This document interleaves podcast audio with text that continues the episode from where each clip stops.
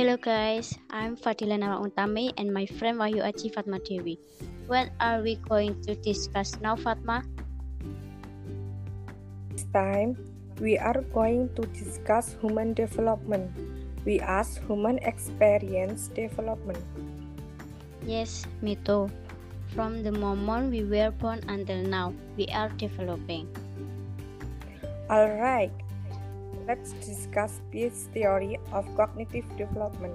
According to Piaget, there are four cognitive development in children. I found a book related to this in Santrock book and title Lifespan Development.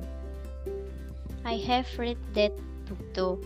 From the age of 0 until 2 years, it is called the sensorimotor stage. Am I right? Correct. In the sensorimotor stage, the child develops through experience and move or sense the to see, hear, smell, feel, and shape as much as possible. From the age of four months, children become aware of things outside their own body, and as children age, they learn to do this intentionally. When a child plays with his mother, his mother saw as rabbit doll and hits it, and the child thinks it gone. Oh, so at this stage, the child starts to want to know about everything, like wanting to taste food, talking to strangers. Right. To explore further, we learn to sit, crawl, stand, walk, and even run. The scan stick is pre-operational from the age of 2 until 7 years. This stage is where we begin to receive stimulus or language skill develop, but we cannot yet think abstractly. At this preoperative stage, we can only speak two words to become fluent in speaking.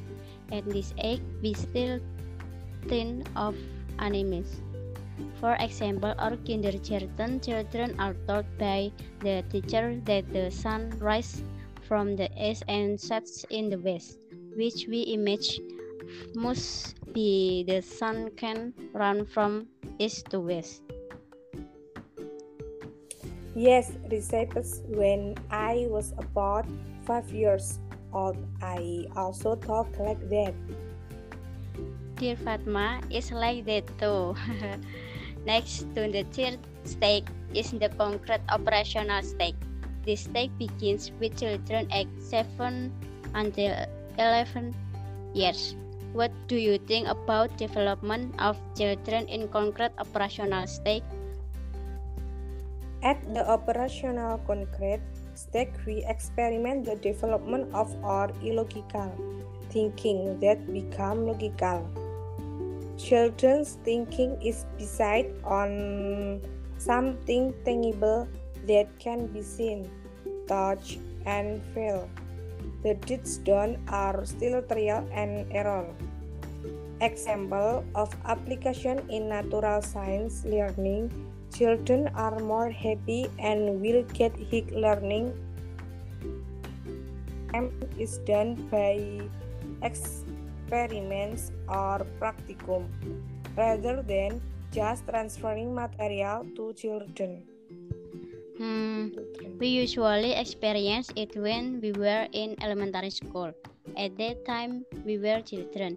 It is true that we were happy when practicum learning rather than learning in the classroom only listen to the material and word only made it sleepy.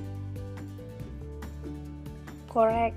From the example above, it can be seen that the learning process in the classroom, according to Peirce, must be child-centered.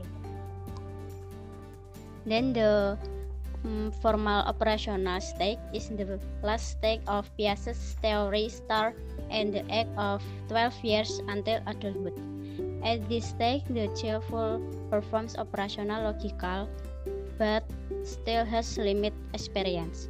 the learning process of children will be easier to teach because they already understand the concept and can think abstractly and concretely.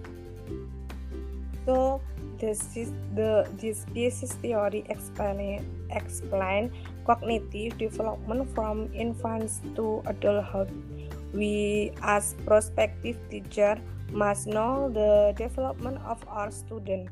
We can for our cognitive into the we want it to be. Because the development of one child with another is different what we have to do is that children can develop well and be active in learning to get knowledge. That's all the explanation from you. Thank you for listening. Bye, bye.